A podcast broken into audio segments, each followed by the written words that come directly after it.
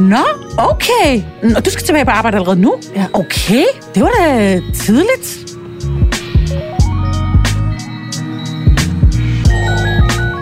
Men at få tre børn har gjort mig mere lykkelig, end jeg nogensinde har været før i hele Ej. mit liv. Christina. Ja, ja.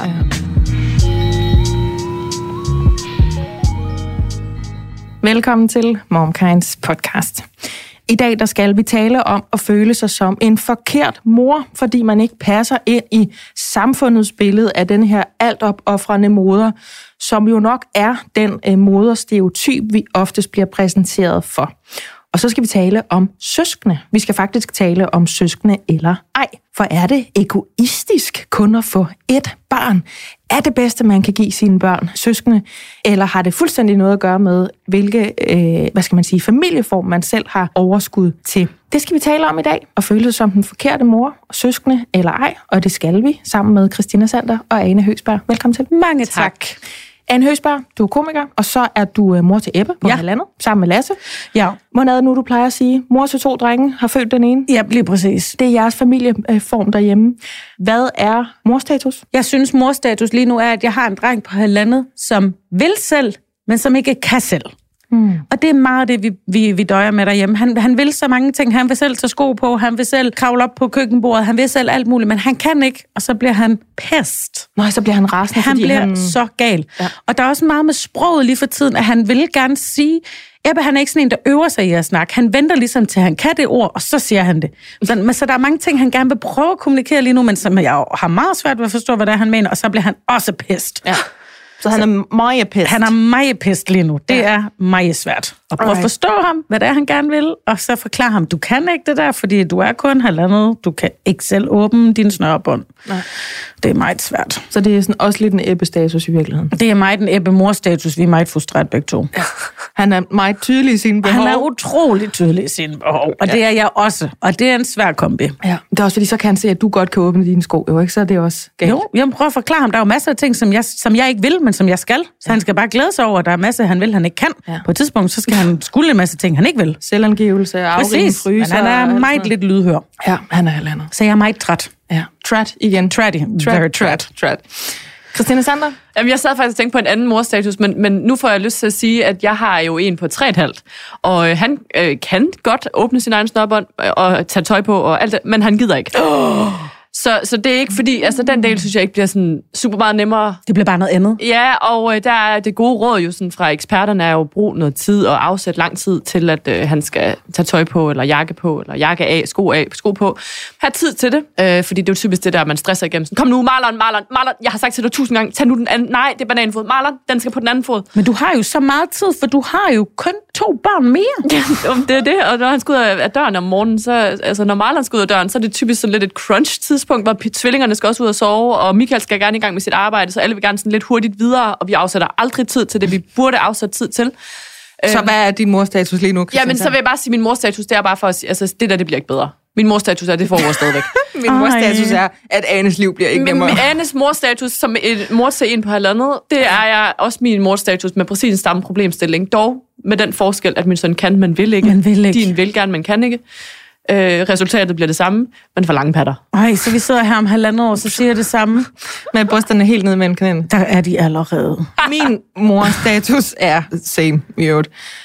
Nej, faktisk ikke helt lige nu, for nu er de ligesom hævet op igen, fordi jeg er gravid. Så næste gang så bliver Okay. endnu længere jo, ikke? Blærerøv. Ja, det kan nok være. Øhm, min morstatus er, at jeg er at få spat over at prøve at lære Elle, at hun skal vaske fingre. At der er ting i livet, der kræver, at man stopper op og vasker fingre, inden man går videre. Øh, det er som ikke så meget det der, efter man har fået skiftet blæ. Det er hun faktisk helt med på. Men det der med, at du kan ikke pløje den ene kattelort op efter den anden af vores sandkasse, og så komme ind og spise biksemad med fingrene. Der er nødt til at være noget derimellem. Øh, men hvis ikke det passer ind i, hvad hun lige havde planlagt, hun skulle, så bliver hun rasende. Så det er det der med også selv at huske nogle gange, altså fordi voksne mennesker kan også være mega ulækre. Altså nogle gange Øh, glemmer ja. man jo også selv at vaske fingre, ikke? Øh, ja. Men det er ligesom om, jeg bliver bare mere klar over det, når jeg ser de der små fingre med de der sorte streger under neglene. Sådan, gud, kan jeg vide, hvad det er? Er det noget numsefnuller, eller er det kattelort, eller er det en fibre fra sofaen, eller hvor er vi hen? Så det er meget det der med egentlig selv at blive klar over, vi har nogle stop i løbet af en dagligdag, hvor der skal der vaskes fingre. Gør du så noget sjovt ud af det? Nej, Nej. Okay. Det må ikke være sjovt. Det kan man jo ikke blive ved med. mig. Det er faktisk et... Altså, Altså, nej, jeg er jo hvad med det godt noget? For du kan ikke blive ved med at gøre det sjovt. Jeg er jo ikke komiker, Ane. Nej, nej, men du kan da godt gøre en håndvask. Ej, jeg er nødt til at ændre min morstatus. Helt seriøst, fordi jeg ved ikke, hvilken anden podcast, jeg nogensinde ville kunne sige det her i. Okay, så sig det. Marlon lavede lort på toilettet for første gang i går. Ej! Ja! Nej, hvor er det godt. I Ej. aner ikke, hvor lang tid den har været undervejs. Den pølle. Den pølle. Altså, han har ville have blæ på i ja, den, til den gode side af et halvt år. Ja.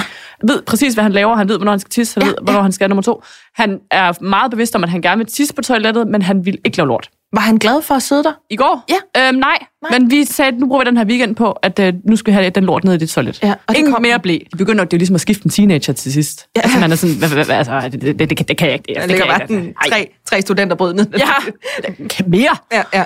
Jamen, hvad gjorde du så? Jamen, vi, øh, det var også sådan en øh, stigerkonkurrence, havde han sagt. Ja. Du får ikke blæ på. Du får ikke blæ på. Og det er sikkert super upædagogisk at gøre. Det er sikkert ikke sådan, man skal gøre. Nej. Men det gjorde vi. Ja. Nu er det slut. Ja. Vi har prøvet alt. Men jeg vil bare lige sige, på et tidspunkt, så kommer du aldrig til at få, at det er lokum igen. Nej, nej. Lasse, han kan jo sidde derude i 45 minutter. Så nyd det nu, mens han ikke vil, og det går Michael han sidder der nogle gange i en time, efter vi har spist aftensmad. Ja. Jeg er sådan, hvad, er, hvad laver du? Du skal ryddes op. Ja, jeg kommer lige om lidt. Men det er jo også, altså det er jo altid der, mænd skal skide. Det er ja. jo, når der skal put- puttes noget op, hvad skal Ja. det? Eller når man skal diskutere noget. Sæt dig lige ned, Lasse. Jeg skal lyde Ja, skide. det skal være Ja. ude på lokum og så. Nå. Ved hvad, jeg tror ikke, man kan komme mere elegant ind i en Nej, podcast. nej vel? Nej, men jeg vil vi bare sige tillykke til Jamen, Marlon. Det er tak. kæmpestort. Tak, Ja. yeah. ægte tak, fordi det, her, det var en stor sejr for os alle sammen. Ja, stor pøllesejr. Ja, det var det. Det her, det er, øh, hvis nogen skulle være i tvivl, Momkinds podcast, og jeg hedder Majbrit Maria Lundgaard.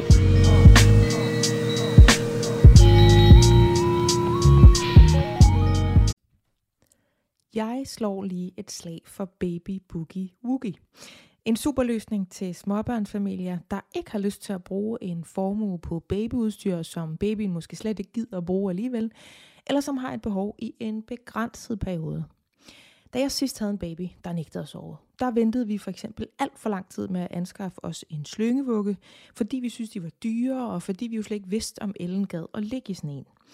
Havde vi nu brugt Baby Boogie Woogie, så kunne vi have lejet en og fundet ud af, at det gad hun virkelig godt.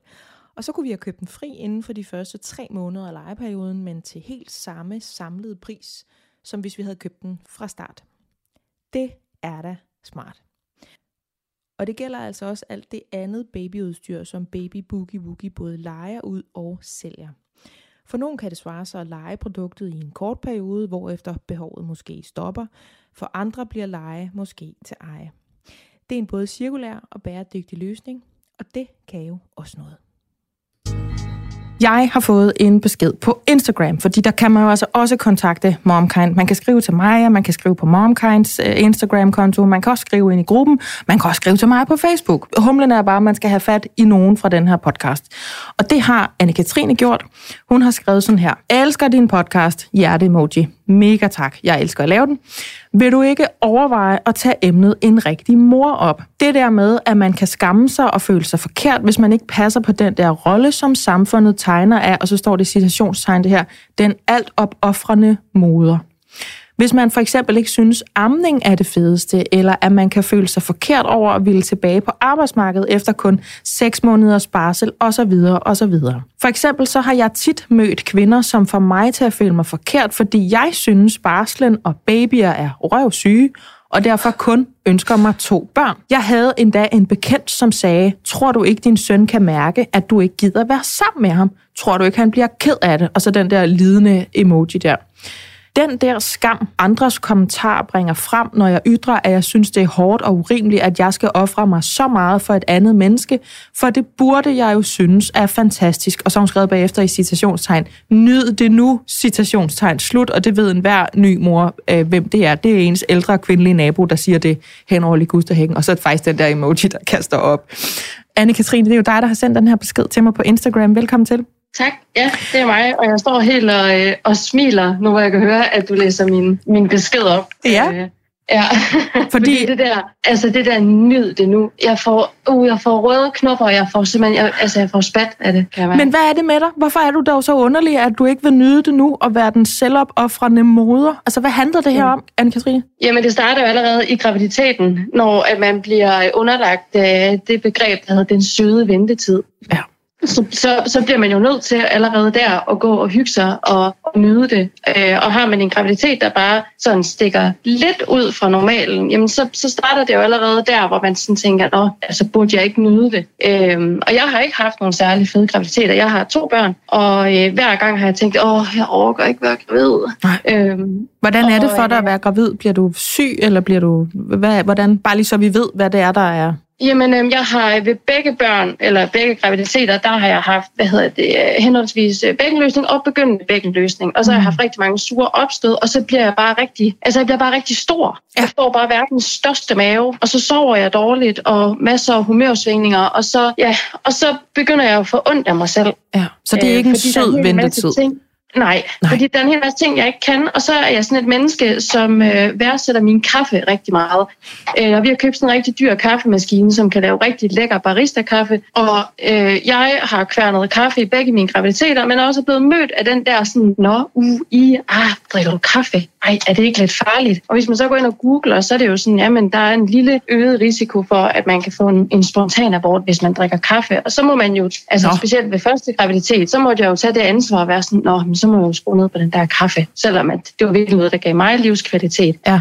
Og så, øh, så fortsætter det jo, så får man det der barn. Og så havde jeg, øh, mit første barn, han, øh, han var barnevognsnægter, og jeg nægtede at tvinge ham ned i barnevognen det første halve år. Ja. Så jeg blev nødt til at bære ham rundt i en i sådan en øh, først øh, en strækvikle og så bagefter øh, i en vikle eller i en bæresel. Og det betød, at han var på mig hele tiden. Han var på mig hele tiden. Og hver gang det var, at vi mødte nogen, øh, gerne ældre kvinder, så var det sådan en, nå nej, hvor sødt, ej, nyd det nu. Og jeg havde bare lyst til at sætte ham fra mig. Men det kunne jeg jo så bare ikke, øh, fordi at det, det ville han ikke finde sig i.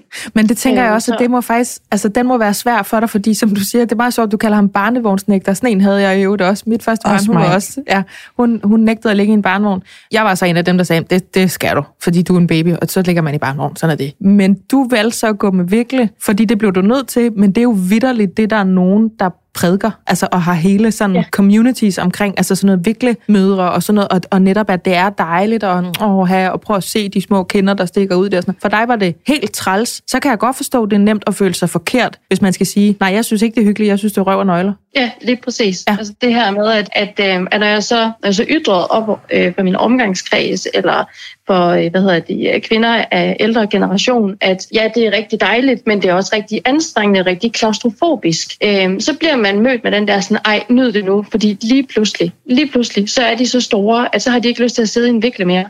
Og jeg må sige, nu har jeg en på tre og en på fem måneder.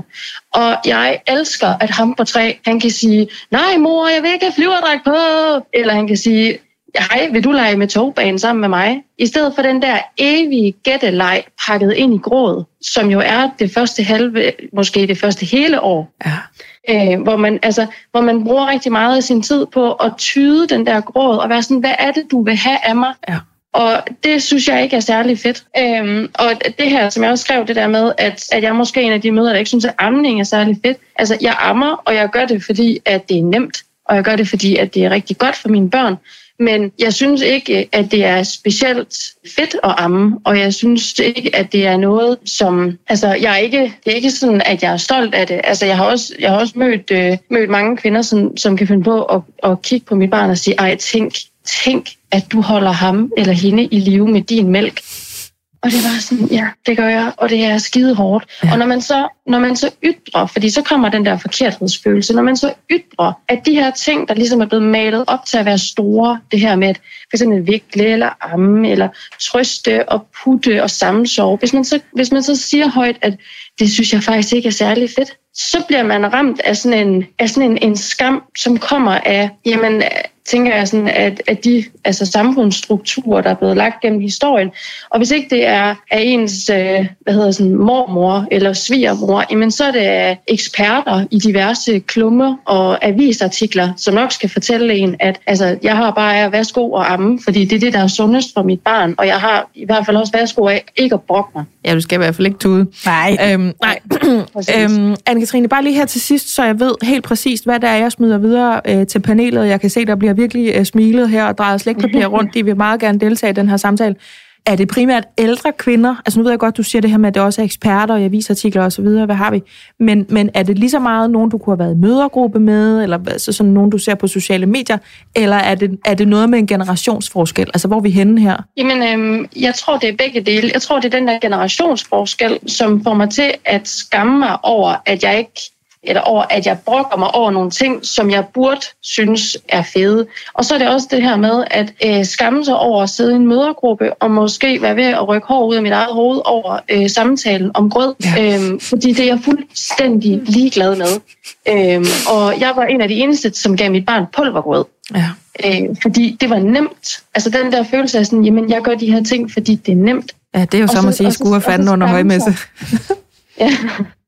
Og så, og så skamme sig over det. Ja. Altså. Okay, jamen jeg tror, at vi har øhm, et rimeligt billede at tale på. Anne-Katrine, jeg, øhm, jeg smider den ud til panelet, og så vender jeg tilbage til det. Det er bare i orden. Tak. Anne, ja. er, du, øh, er du en rigtig eller en forkert mor? Er jeg jo nok en forkert mor. Vi har jo snakket om det før i den her podcast, der er et særligt sted i helvede til kvinder, der blander sig i andre kvinders moderskab, ja. eller forældreskab for den sags skyld.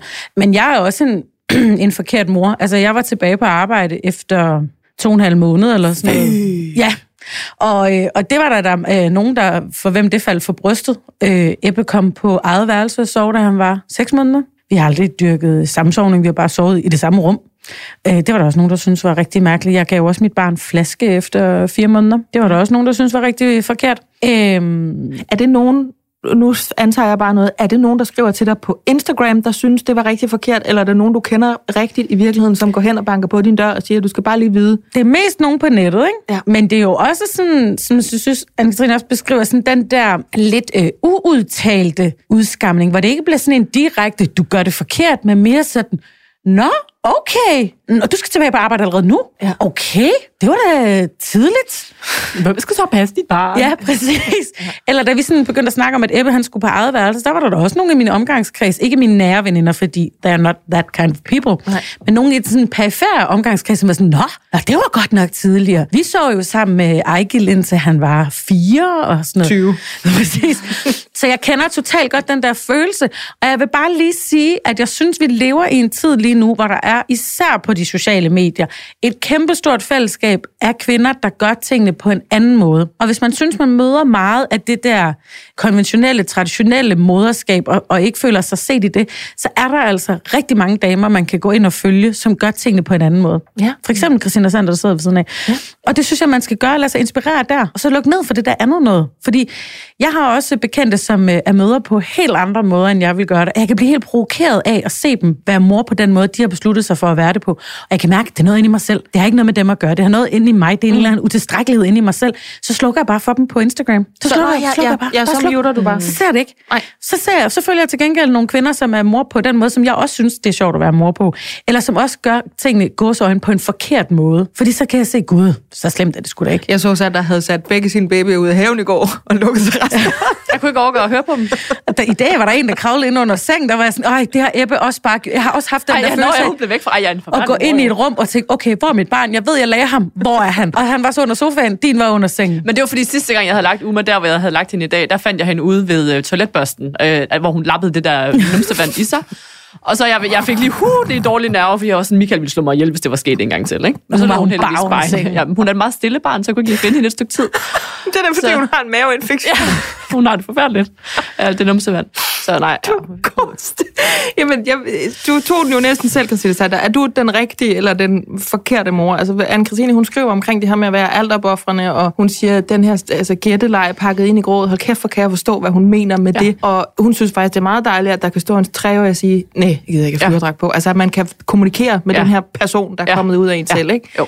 Nu sagde du jo egentlig på et tidspunkt i den her podcastrække, at du kunne godt lide at sove sammen med dine babyer. Er det sådan noget samsovning? Er du den altopoffrende moder, der hellere vil sove med dem, end de skal på eget værelse? Og altså, det er meget sjovt, fordi dengang vi hørte Anne-Katrine tale, så sad jeg og tænkte, hvad er det, der er sket i mig, efter, øh, altså fra første gang, jeg blev mor, hvor jeg kunne øh, have øh, beskrevet det præcis, som Anne-Katrine gør her, ja.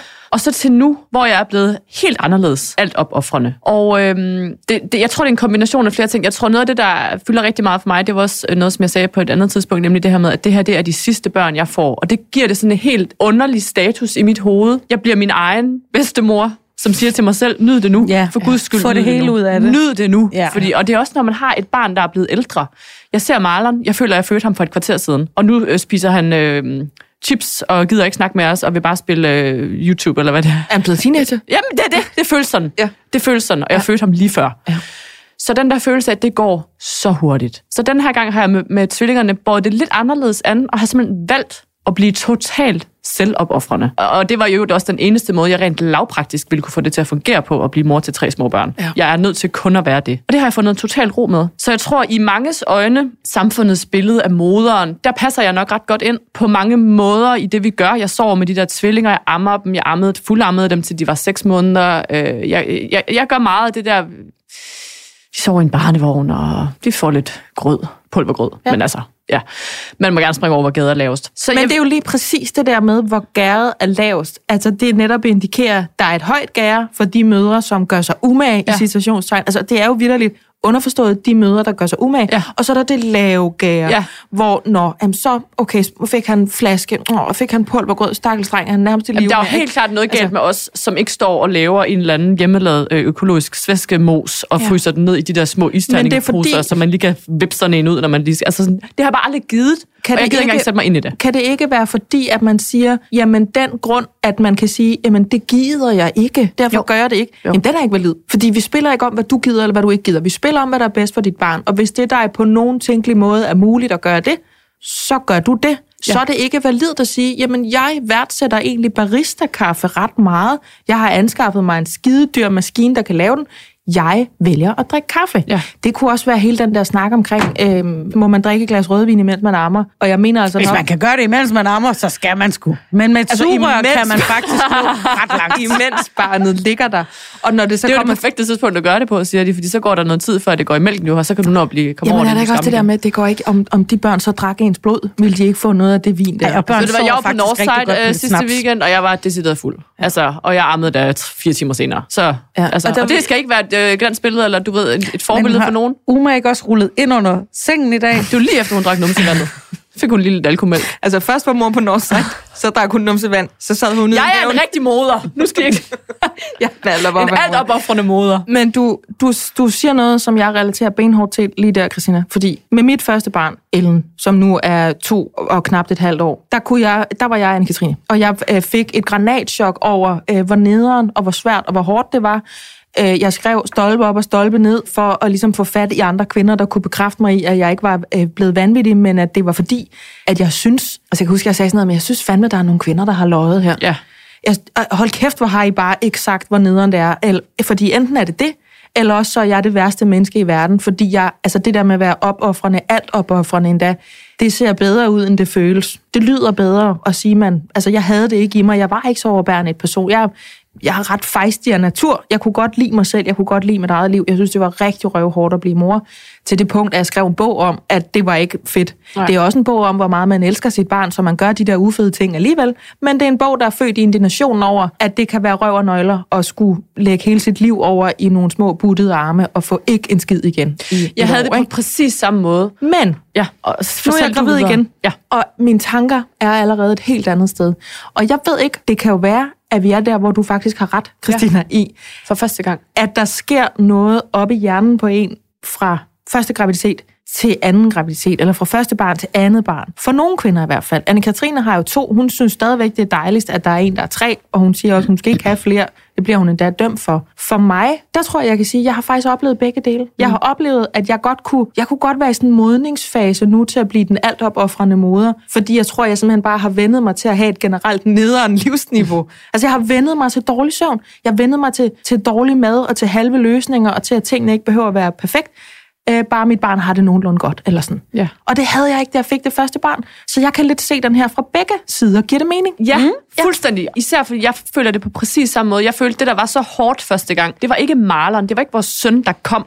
Det var mit liv, der ja. forandrede sig. Jeg gik fra at være Christina til at være mor. Ja. Alt overskyggende mor. Nu skulle jeg være mor. Og jeg havde sådan nogle tanker konstant, sådan, han er her jo for evigt. Altså jeg kunne huske, jeg, jeg sådan chantede for mig selv, han kommer til at være her for evigt, det For her menneske. altid. Er han her? Ja. Og jeg, var, jeg kunne slet ikke begribe, hvor nederen det var. Altså, hvad har vi dog gjort ved vores liv og vores forhold og vores frihed? At vi har fået det her barn. Det var ikke ham. Jeg elskede ham jo. Men jeg følte virkelig, det var et tab for min egen personlige spontanitet og sådan, hvad jeg gerne ville. Men det var det jo også.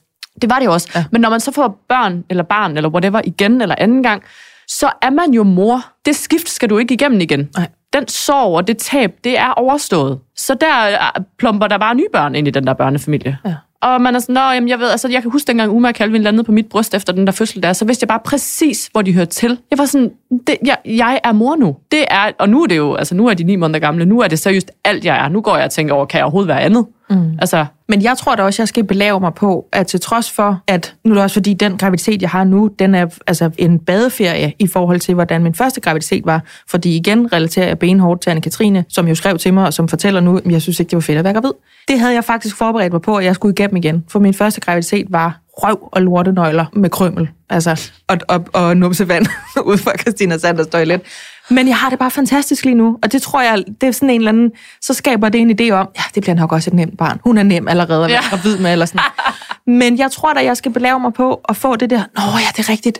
Fuck, det er nederen at have en baby. Fordi jeg er også en af dem, som er en meget bedre mor til en på to, et halvt, som er flabet, og som har en holdning til sit tøj, eller til hvad for noget spejpøls, vi skal spise, øh, og som kan sige, at hun laver numseprutter, eller kommer og klasker mig i babserne, eller bider mig i dem, eller altså være mor til en lille person, end jeg egentlig er til en baby. Men jeg vil rigtig gerne have en baby. Mm. Altså, det, kan I se det der, sådan, det der dilemma på en Men, eller anden måde? det, men jeg synes også, at det er svært, for jeg kan huske, da jeg øh, var gravid med Ebbe, så øh, mødte jeg jo enormt mange mennesker, som var øh, glade på mine vegne, og og det skulle glæde til, det blev fedt. Men jeg mødte også rigtig mange af dem, og det er tit kvinder, som øh, har født inden for det sidste års tid, som har sådan en øh, bare vent. Mm. Bare vent attitude. Åh, oh, bare vent. Ja, Ja, Ej, du skal nyde at sove nu, for det bliver meget værre. Ja, dem, der siger, det bliver værre. Ja. Ja.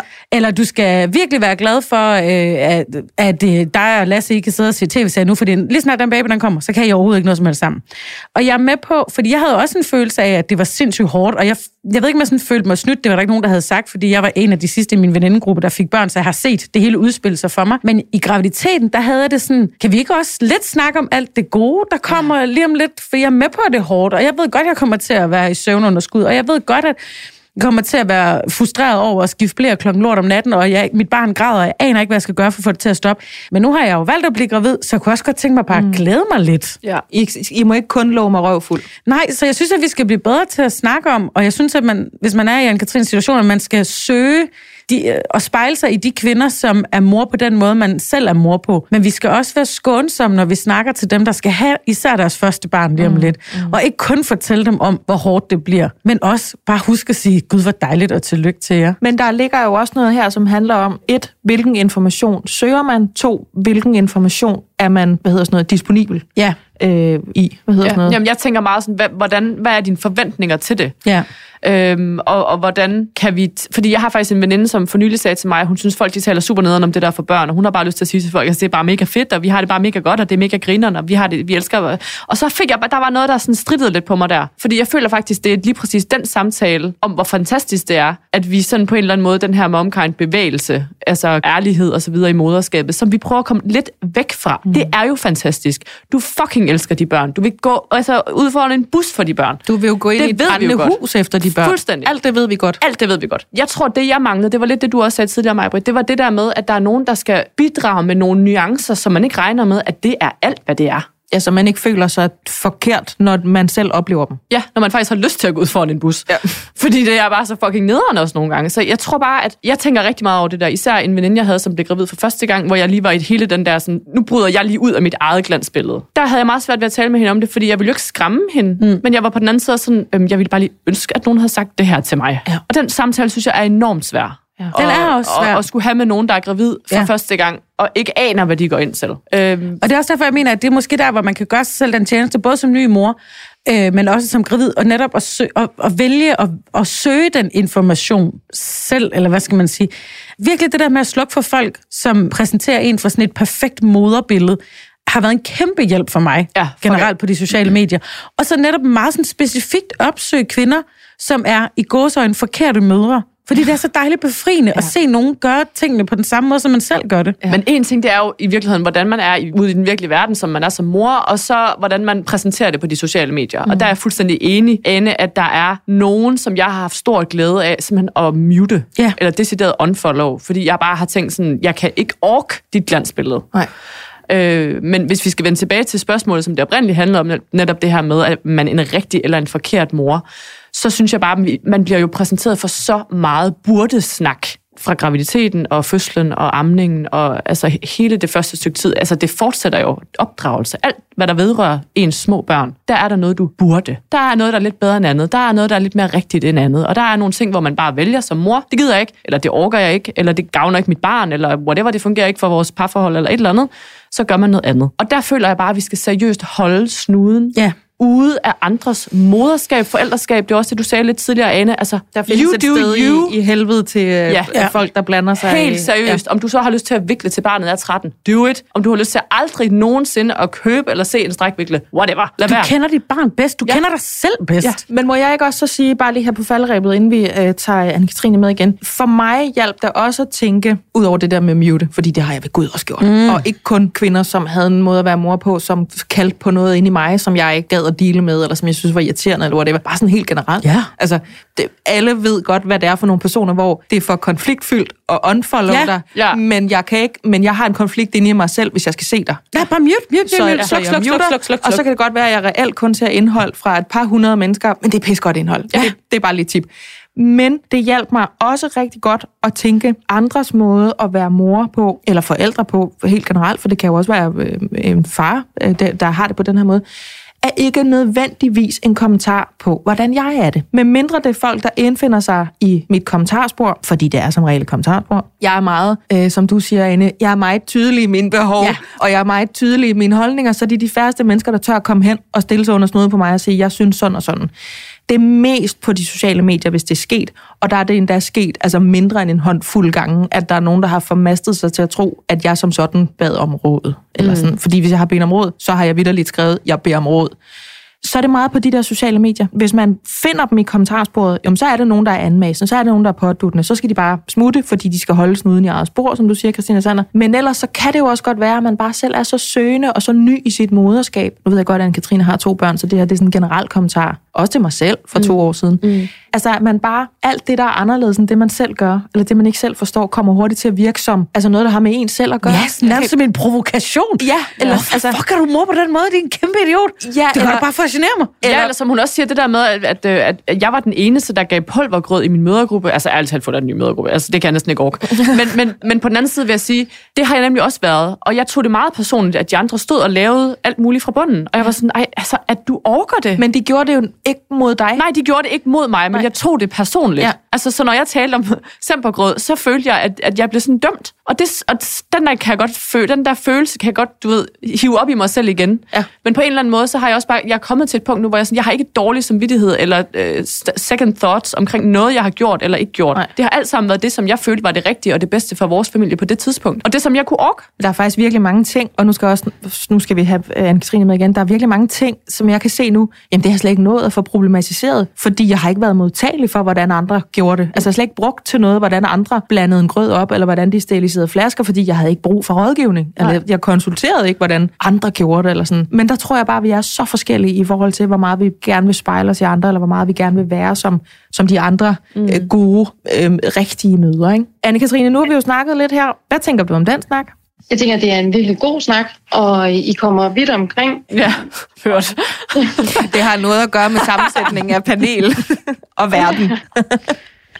Øhm, og jeg kan specielt spejle mig rigtig meget af dig, Majbrit. Altså, øhm, der hvor det er, at du fortæller det her med sådan, at øhm, da du blev øh, mor første gang, øh, hvordan at dit liv forandrede sig, og hvordan du havde det med det. Sådan havde jeg det præcis også. Og det skal også lige siges, at nu her anden gang, det er jo ikke kommet som et chok for mig, fordi som jeg også siger, jeg er jo mor. Så det er heller ikke fordi, at jeg har, det er heller ikke fordi, at jeg er usikker i min morrolle, og det er den der usikkerhed, jeg har brug for at Nej. få øh, væk ved at spejle mig i, de, i, øh, i kvinder på de sociale medier. Altså jeg tror simpelthen, det er sådan en, sådan en iboende skam, der kommer at den der sådan, jamen, man bør være, altså man bør, fordi sådan var, sådan var min mor, sådan var min mormor. Mm. Ja. Noget, man Altså, troede, den her sådan- man vel skulle blive, måske. Ja, lige præcis. Altså det her med, at min farmor gik på deltid, øh, og så var det min farfar, der hævde pengene hjem, og det var simpelthen fordi, at så kunne hun øh, lave varm mad til sine børn hver dag, og så videre, og så videre. Altså den der, der ligger. Mm. Og den, den tror jeg bare altså sådan rammer mig, når jeg så øh, stikker udenfor. Fordi det er ikke fordi, at jeg, har, øh, at jeg har brug for at blive bekræftet i, at det jeg gør, det er godt nok øh, ved at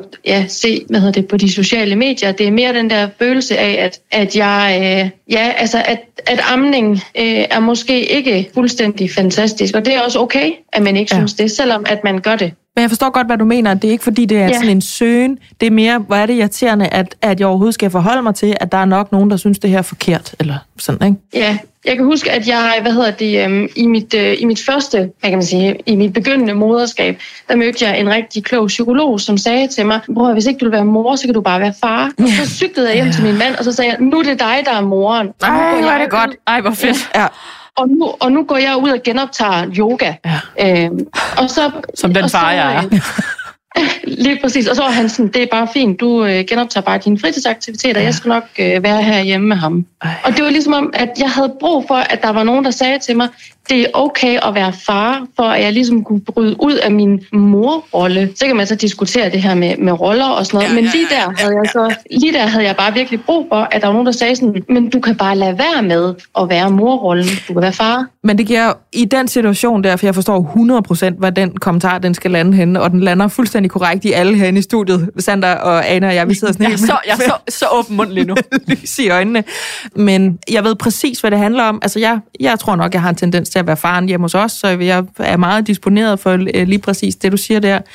Men det, det starter jo også 100 andre samtaler omkring, hvordan dynamikken er i hjemmet, og hvorfor det er, at der er så mange krav til, hvad den rigtige mor er, hvad den altopoffrende mor er, men ikke til faren. Jeg gør det en gang imellem på Instagram, så skriver jeg sådan nogle captions, hvor jeg bytter rundt på kønnene, mm. og så bliver folk helt forvirret, fordi de kan ikke forstå, hvad der er der er i vejen med det, jeg skriver. Mm. Og så skriver jeg til allersidst, hvis du synes, der er noget i vejen med ovenstående, så har vi et ligestillingsproblem, fordi jeg bare har byttet, altså bare lavet sådan en mor-far-test, Ja. ikke? Ja. ja. Mm-hmm. Men jeg synes virkelig, at Anne-Katrine skal have en, en øhm, lille medalje. Ja. Fordi øh, så kan det godt være, at det er mere sådan en samfundsstrukturel ting, men der er jo en risiko for at få nogen på snuden, når man gør noget anderledes, end så mange andre gør. Så bare det, så, så kan det godt være, at øh, det ikke bliver set som, øh, eller det ikke er ment fra Anne-Katrines side som en protest eller en... Øh, Det er ikke decideret aktivisme. Nej, men, men det er det jo. Altså, det er en lille hverdagsaktivisme at vælge at sige, men jeg, jeg glæder mig faktisk rigtig meget til at komme tilbage på mit arbejde. Ja. For, hver, for hver gang der er en, der tør at sige det højt, så er der jo, for nogen bliver det nemmere, når de skal gøre det. Ja. Mm. Og øh, det er rigtig rart at høre nogen sige, "Ved du, jeg er ammer, fordi at det kan mine babs og mine børn finde ud af. Jeg synes sgu ikke, det er så fedt. Jeg glæder mig faktisk rigtig meget til, at øh, den mindste bliver halvandet, og så skal vi slutte med det. Ja, fordi rigtigt. så bliver det nemmere for nogle andre at sige det. Så det, det skal man bare lige huske, Anne-Katrine. at Du skal have en lille medalje. Nej, det er en stor medalje. Og en parade, når du er klar til det. og et hornorkester. Og et hornorkester, selvom at det ikke det? er aktivisme, så er det jo en lille hverdagsaktivisme. Det er fuldstændig rigtigt, det du siger, Dane. Det er godt, det er godt du er med i det her panel. Tak skal du have. Også dig, Sander. Tak, Det ja, tak, fordi du fik det med. Ja. Ej, hvor er I søde. Anne-Katrine Gessing, Værning, tusind tak, fordi du skrev til mig på uh, Instagram. Tak, fordi vi skulle tage det her emne op, som der altså var uh, 3.000 procent genkendelighed på herinde fra højre og fra venstre. Tak, Og nu er vi to møder, der skal og være fædre. Ja, oh my god, ja. Så var jeg faren. Tak, fordi du var med, Anne-Katrine. Selv tak.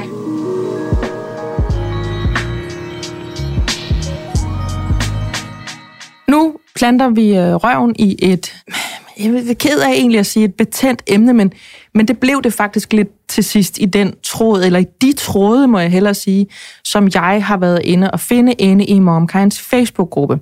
Fordi når det kommer til spørgsmålet om søskende, altså om man skal have flere børn end et, to, tre, fire stykker, så er...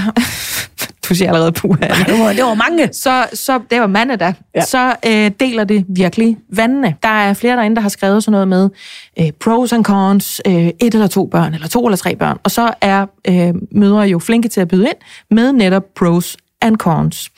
Der er også nogen, der skriver sådan noget med, det bedste, man kan gøre for sine børn, det er at give dem nogle søskende. Så er der nogen, der bliver meget provokeret, tror jeg faktisk er det rigtige udtryk at bruge, over lige præcis sådan et statement, fordi skylder man sit eksisterende barn at lave nogle flere? Og hvad hvis man ikke har tid, energi, lyst, overskud, økonomi, partner, whatever, krop, fertilitet til det? hvad skal man så? Så det skal vi snakke om nu. Søskende eller ej. Er man, jeg så sådan et, sådan et øhm, I kender godt, øh, kritisk pynt. Ja. Ikke betalt i øvrigt overhovedet, eller ikke... Hashtag no ad. ha- hashtag øh, ikke Nå, sponsoreret. det der hækle, eller hvad er det for noget? Nej, det er keramik. Øh, det er keramik, Sådan nogle det er små små keramik, øh, citater og sådan noget. Nå, det kender jeg ikke. Hun havde lavet en broche, hvor der stod, ene børn er også en slags mennesker. Ja. øh, og, det, og det satte i gang altså op i mit hoved, hvor jeg tænkte, at vi skal sgu snakke om det her. Øhm, fordi jeg har selv været i den snak. Jeg har selv stået sådan og sagt ud igennem tænderne, vi skal kun have et barn. Fordi meget apropos i virkeligheden, det ville jeg snakke med Anne-Katrine om, det var fucking hårdt at være mor det første år. Jeg kunne ikke forestille mig. Baby i dit mave. Men nu er, nu er jeg nok op ad gaden. Nu har jeg gjort det en gang til. Øh, af ren øh, kærlighed og vanvid. Ja, der kommer en til. Så jeg kommer til at lave en søster, for det er endnu en lille pige, der er derinde, til, til min øh, lille Ellen derhjemme. Men Gud, hvor jeg dog forstår de kvinder og mænd, for den sags skyld, der ikke vil have flere børn. Så kan vi tale lidt om det? Ja, kan om vi den godt. her søskende mafia. Altså, kan man overhovedet tale om, at man skylder nogen som helst at få flere børn? Anne, du ryster på hovedet. Jeg siger, det bedste, man kan give sit barn, det er en tur til Landia. Det er billigere. Det dyreste. Øh, Det er bedre, men det er, Det er billigere. dyrere. Nej, det er dyrere, end at få et barn mere. Ej, ikke i løbet af de 18 år. Det er også bedre for miljøet. Jeg var lige ved at sige sponsoreret, men det er det så ikke. Nej, desværre. Og det kræver altså også en mindre indsats, vil jeg bare sige. Ja. Jeg er jo lidt heldig, fordi jeg har givet mit barn en søsken, helt uden selv at lave det barn. Ja. I og med, at min Lasse, han har en for tidligere. Så selv, Smart. selvom at jeg vælger kun at få et barn, så vil mit barn altid have en søsken. Ja. Det synes jeg er ret smart. Så jeg, det, du siger, er, få børn, gå fra hinanden, find en ny partner. Ja, men kun hvis du er manden. Ja. Sådan, så man som dame ikke skal lave flere der, børn. faktisk. Ja. Men, ja, det er lidt kompliceret, men det kan godt løses. Ja. Øhm, jeg, jeg, og og det, det kommer til at bide mig i røven, fordi om to år, så sidder jeg herinde og siger, hm, vi skal have en til. Ja. Ja. Men det er ikke min plan, at jeg vil have flere børn. Nej. Jeg er rigtig glad for Ebbe. Det var jo slet ikke min plan, at jeg ville børn til at starte med. Så mødte jeg Lasse, så var jeg sådan, okay, vi bliver nødt til at lave et barn. Mm. Og så har jeg fået Ebbe, og det er mega fedt, men det er også mega hårdt. Og der er så mange ting, jeg rigtig gerne vil i mit øh, arbejde. Og jeg er faktisk lidt bange for at blive ligesom Christina Sander, sådan en mega mor. Jeg er bange for, at jeg ikke kan løfte øh, det, det å, det er at skulle være nogens mega mor. Ja. Så derfor så tror jeg kun, det bliver den Ej, det ene. tror jeg, jeg skifter navn til på Instagram. Jamen, jeg skulle lige Mega sige, mor. at kritisk køn skal jo lave en ny... Nu nævner vi også hende hele tiden. Det kan vi godt. No ad. Ja, no ad. Du skal have sådan en megamor. Mega mor. Ja, ja. Du er mega mor. Ja. Og det er jeg bange for, at jeg ikke kan, og jeg er bange for, at jeg får det barn, og jeg så tænker, gud, de, jeg har slet ikke lyst til at være mega mor. Og så er jeg bange for, at jeg bliver bitter på det barn over, at jeg ikke, der er masser af ting, jeg ikke fik udlevet mit liv. Alt det der. Så mm. jeg tror kun, at jeg skal have den ene. Så ved jeg godt, for jeg har ikke haft følelsen af, nu var det sidste gang, jeg skulle være gravid. Nej. Så jeg kunne egentlig godt tænke mig at blive rumor, men, bare, men det tror jeg så alligevel ikke, jeg kan. Det jeg bare vil frem til var, det er helt i orden at være enebarn. Vi, vi Det er helt i orden at være enebarn. Og det, man ikke kan give sine børn i søskende, det er, det kan man give dem i oplevelser, Og eller andet, ja. i LaLandia, i kærlighed. Kærlighed kan man give på mange punkter, ja. på mange forskellige måder. Ja. Man kan også købe det med en masse gaver. Det er rigtig dårligt råd til det. Og det bliver de jo også lykkelige over. Eller en hund. Ja, en hundevalg. En hundevalp er også en form for søsken. Det er helt forkert. Øhm, det kan jeg klippe ud, det. Ej, det synes jeg godt, man kan. Og der er faktisk mange store ledere, der er mange store forretningsfolk, der er mange store kunstnere, som er enebørn. Ja. Så hvis man ikke giver sit barn en søsken, så giver man måske sit barn En en karriere. rigtig lækker karriere og en god fremtid, og det er en god investering i ens egen pension. Christina Sander, du havde planlagt to børn, du fik tre. Ja. Der er nok søskende. Mm. Øhm, du har sagt flere gange i den her podcast, jeg skal ikke have flere børn. Mm. Mega mor.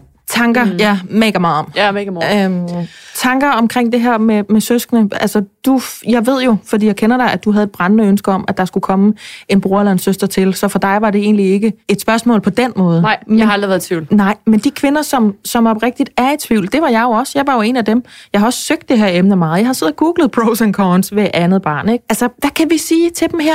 Jamen, åha, der er jo mange ting, øh, som jeg sidder og tænker nu, og den første, det var faktisk den der med, at du fortryder aldrig de børn, du får, men det er faktisk løgn. Man kan godt fortryde og, og få nogle børn, som man ikke er øh, på whatever måde givet til. Det har vi faktisk lavet et program om. Ja. Og så vil jeg sige, øh, det der med at være megamor, øh, det er jo noget, som der er så, altså, bare er sket. Og jeg har aldrig nogensinde tænkt, at jeg skulle have tre børn. Og jeg synes stadig, det lyder super overvældende, når jeg siger det. Ja. Men at få tre børn øh, har, har gjort mig mere lykkelig, end jeg nogensinde har været før i hele Ej. mit liv. Christina. Ja, ja. ja. Og Det er fordi, nogle gange, når der bliver sagt noget, der bare er ægte kærlighed ikke en Ja. skid ironisk, ikke en skid sarkastisk i det her studie, så bliver man sådan helt, ej, Det er helt rørt, fordi du sagde, at du er blevet lykkelig. Ja, det, er, det har gjort mig meget, meget lykkelig. Øhm, og, og, jeg, og jeg tænker faktisk rigtig tit, har I hørt om de der undersøgelser, der er blevet lavet, hvor man har interviewet folk, som har ligget på, Ja. ja. altså sådan på deres dødsleje, eller som har været øh, terminal syge, spurgt dem om, hvordan de ser tilbage på deres liv. Hvad de, fortryder Ja, du? hvad fortryder du? Hvad er du rigtig glad for, du gjorde? Ja. Og der er aldrig nogensinde nogen nærmest, der har svaret, at de fortryder den tid, de brugte med deres børn. Nej.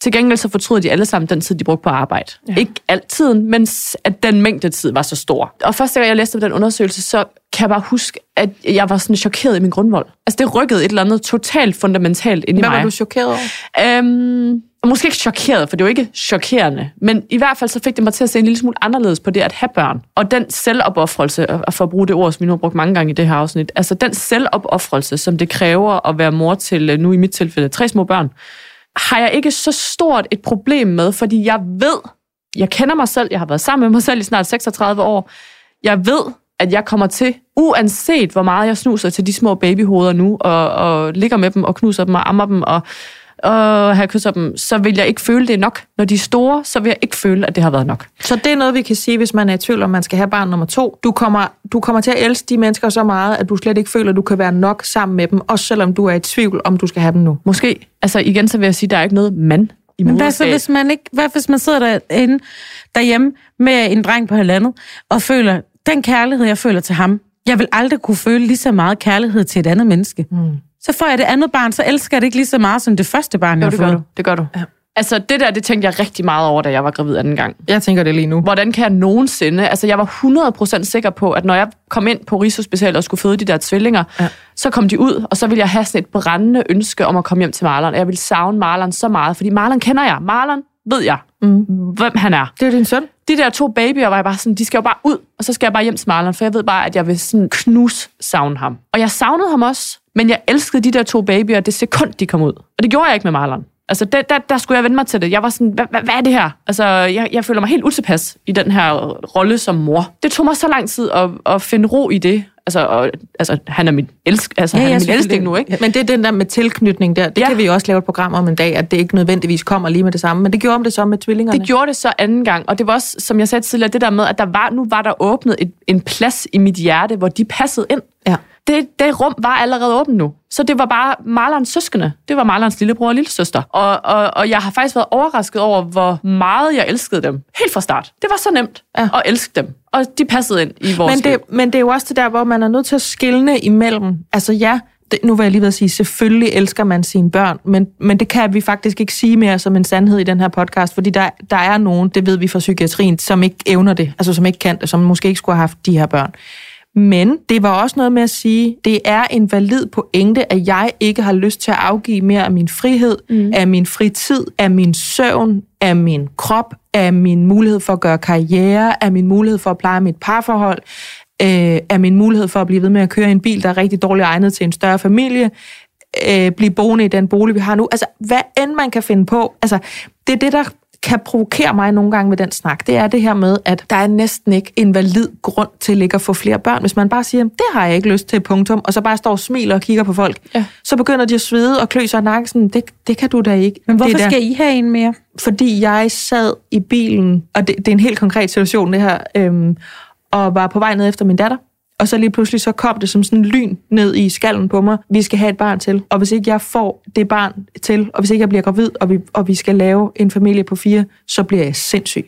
altså det, det ramte mig fuldstændig. Så skiftede det fra, fra den ene dag til den anden, at jeg tænkte, jeg skal bare gøre karriere, jeg skal bare være, altså vi er sådan helt overvejet, jamen, altså nu om jeg skulle gå lidt nærmest hjemme, fordi nu er det bare sådan helt fantastisk at være gravid og barn nummer to og sådan noget. Men den første, der var det helt anderledes. Så, så jeg mener det virkelig, når jeg siger, jeg sagde ud igennem tænderne, jeg skal ikke have flere børn. Og lad være med at spørge mig hele tiden, hvornår den næste kommer, for der kommer ikke flere. Sådan må man godt have det. Jeg forstår virkelig den provokation. Så sad jeg i den bil. Så fik jeg nærmest en besked fra, fra Gud, som jeg jo faktisk ikke rigtig tror på om. Det, du skal have et barn til. Og så kunne jeg mærke hver en celle i min krop, hvis ikke jeg får det barn, så bliver jeg vanvittig. Jeg har allerede kærligheden til det barn. Du er nødt til at komme ud til os. Vi er nødt til at lave det barn. Og så ringede jeg Michael op. Vi har sådan en smart bil, hvor der er sådan, et, øh, sådan en øh, aktivitetsplade, eller hvad man siger, sådan øh, enter, øh, enter et eller andet der, hvor man kan sætte telefonen til. Trykkede jeg Michael, og så ringede jeg op til ham hyldende og sagde, jeg vil have et barn til. Og hvor han var sådan, ja, at, at du er på vej ned for at hente Ellen nu, sådan, Hent det ene barn, vi har til Ja, at starte præcis. med. Og så sagde jeg bare, jeg kan bare mærke, at jeg have et barn til. Og så siger han, okay, det kan vi godt. Jeg vil også gerne have et barn til med dig. Og så var det det. Altså, så kørte jeg nærmest hjem, og så bollede vi. Det var det. Var det. Altså samleje. Ja.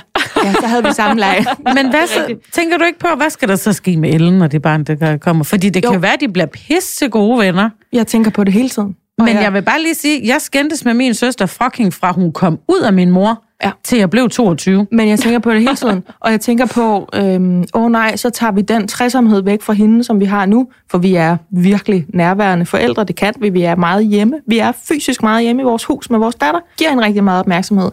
Jeg tænker, øh, kan jeg nogensinde elske nogen lige så højt, som jeg elsker hende? Øhm, jeg kan blive bange for sådan noget med, at det ikke er lige så fantastisk at få det der barn op til mig, som det var at få Ellen op til mig, fordi jeg har jo prøvet det før. Det er jo ikke, det er jo ikke lige så nyt og spændende i situationstegn at få nummer to barn. Hvad hvis de får mega dårlige øh, forhold til hinanden? Det tænker jeg også på. Jeg, jeg kan tænke sådan helt, jeg ved, om de bliver uvenner, når jeg er død, og boet skal gøres op. Ja. Altså, det, er helt derude, kan jeg. Og alligevel så kan, jeg, kan jeg sige, ja, Det kan splitte en familie. helvede, jamen det kan det. Du lyder næsten som om, du har været bobestyr engang. Jeg har set mange programmer om den slags. Jeg har set mange uh, public service programmer. Jeg ved bare, at min mor, hun havde, altså hun øh, har jo født min søster og jeg. Først mig, så min lille søster. Og jeg tror, hun, jeg ved, hun er mest glad for mig, men hun tolererer også min lille søster, som jo er 31. Hun er jo en voksen dame.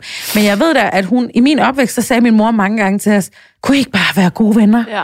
Kan I ikke bare, hvorfor kan I ikke? Hun pegede på naboens børn, så de kommer så godt ud af det med hinanden. Ja. Hvad er der med jer to? Hvorfor skal I altid skændes? Ja. Hvorfor skal I altid smække med døren? Hvorfor skal I altid rende efter hinanden? Du sidder på min uh, del af bilsædet, når du skal være derovre på din del. Og det er altså først som voksne, vi kommer rigtig godt ud af med hinanden. Mm. Det gælder hun med min bedste ven i dag. Så det var en lang... Jamen, der kan du se, så var det en langsigtet investering, ikke? Men det var det, og jeg vil ikke vide, hvad jeg skulle gøre uden hende. Og der er ikke nogen, der kender mig, som Trine gør. Men der er heller ikke nogen, der kan trykke på mine knapper, som hun kan. Nej. Jeg har mange knapper, og hun har mange fingre. Og hun ved lige, lige hvad hun skal gøre. Men kan vi ikke godt, kan vi ikke også godt slutte den her på? Du må få lige det antal børn, du har lyst, overskud, tid, energi, råd til. Der var ikke Men- nogen, der skulle sige, at du var en ond mor, hvis du ikke lavede Nej. Børn, du ikke selv havde overskud til, eller havde råd til at tage med eller andet. Altså, Men som udgangspunkt, så skal man ikke få flere børn, end man har arme som par. Fordi du, du er nødt til at kunne have fat i dem alle sammen. Sandra og Michael, de har fire arme, tre børn. Ja. Det er fint. Ja. Ikke få flere børn, end man har arme. Det er sgu ikke fint. Der er alt for mange. Der er alt for mange børn. Men det er for mange børn, men det kan man jo ikke sidde her og sige. Okay, det det det. fortryder jo ikke de børn, man Men har jeg vil fået, også, altså i forhold til det der med søskende, det er jo øh, også en, øh, det, det er jo også et fællesskab til dit ene barn, eller de, altså, når de bliver ældre, og man selv bliver gammel. Ja, ja og dør. Og man gerne vil have, at nogen kommer og passer på Ja. en på plejehjemmet, eller whatever. Altså, det har jeg Men- også tænkt, det er dejligt, at vi har tre, der kan skiftes til Ja. det. man skaber jo et livsvidne til sit barn. Man Ja. skaber noget familie til dem. Jeg er helt med på, hvad der er pros. Jeg er også bare virkelig sanseløst bevidst om, hvad der er cons. Ja.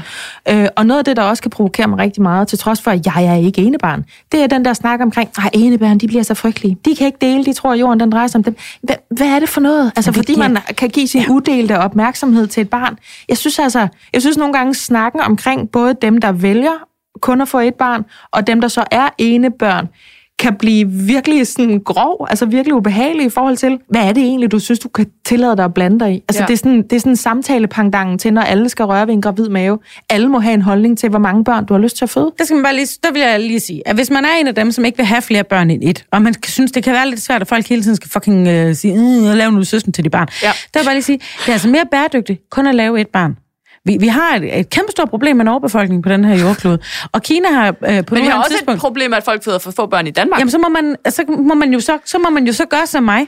Ikke også? Jeg har, jeg har kun født et barn, men jeg har to børn. Ja. Og der, der må man så blive, blive skilt og gift igen, hvis det er det, man er ude i. Men vi har en Så situation, det her, det er et hvor Kina, skilsmissespørgsmål og et klimaspørgsmål, Kina for har, det, er ops- det, den her podcast har stoppet deres etbarnspolitik, så vi har et kæmpe stort problem med overbefolkning. Så når folk de bliver sådan, øh, du, skal ikke, du skal lave flere børn, så må man sige, ved du hvad, jeg laver kun et barn. Ja. Til gengæld spiser jeg oksekød, og så flyver jeg en gang imellem, og så går det lige op sådan rent klimamæssigt. Og så blander du dig udenom. Christina Sander, kæmpe, kæmpe klimasvin. Ja, men, men, men, men hvis vi gerne vil opretholde øh, den her øh, samfundsstruktur, vi har nu med velfærdsstaten osv., så, videre, så skal hver kvinde faktisk få 2,1 barn. Du har fået 3,0 børn. Jamen præcis, så, så på den måde kan vi, altså gennemsnittet også herinde er måske sådan ligelig, så det er rigtig fint, hvis du ikke får Ja. flere, for nu har jeg fået en. Ja. Altså for meget. En for meget. Ja. Ja.